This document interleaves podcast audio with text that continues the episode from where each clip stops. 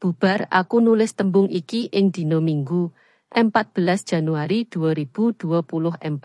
Aku ngisi survei dening Universitas Haifa sing gegayutan karo kondisi wong sing ciloko mental sing umure luwih saka 50 taun, umurku 51 taun. Aku menehi saran kanggo kabeh wong sing bisa nerjemahake survei menyang akeh basa. Survei kasebut ditulis ing basa Ibrani lan bantu nyebarake ing kabeh sing bisa.